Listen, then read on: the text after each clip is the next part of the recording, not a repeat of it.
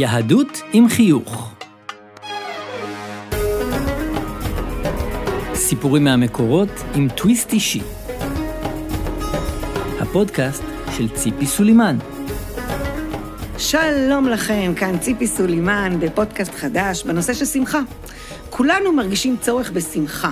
אה, החיים שלנו כאלה, לא תמיד אה, שמח לנו בלב, אם זה פרטי ואם זה ציבורי. אז איך אנחנו מגבירים שמחה? כן, באופן מלאכותי. אז אחד הדברים הראשונים הוא בעצם תנועה.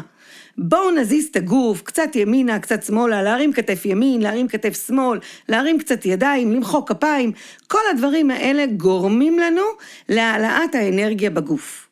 הדבר השני הוא בעצם לבחור חברים טובים, לבחור חברה, חברים, ואם אנחנו לא מוצאים חבר שיחייך אלינו, אז פשוט לעמוד מול המראה ולחייך. והנה, חייכנו למראה, מול המראה עומד מישהו בעצם שמחייך אלינו בחזרה. איזה יופי. ולכן, חיוך מלאכותי ימשיך לנו את היום.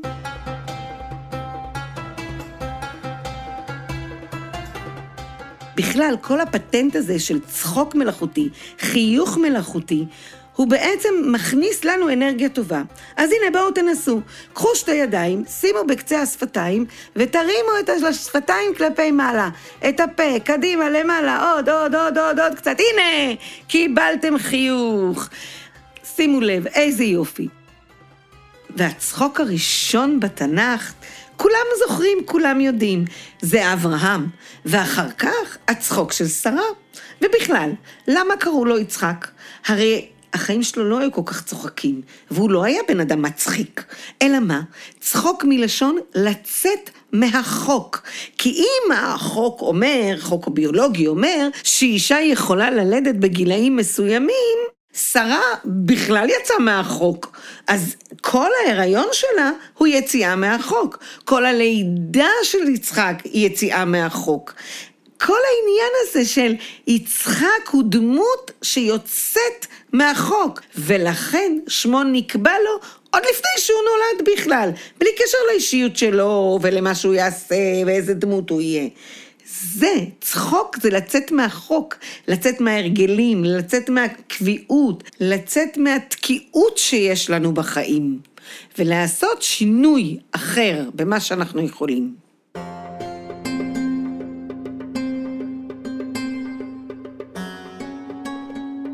ואני רוצה לספר לכם על מישהי שבאמת האנרגיה הזאת של שמחה הביאה אותה לתנועה. מי זאת?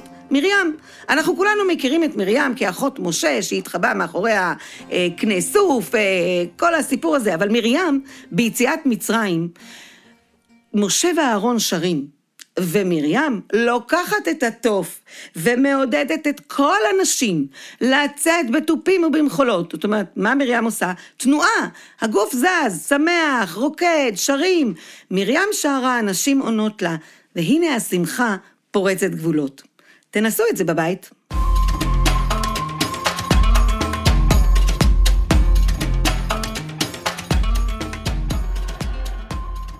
שימו לב שכשהם יצאו ממצרים, אף אחד לא חשב באמת איך זה יקרה ומה יקרה.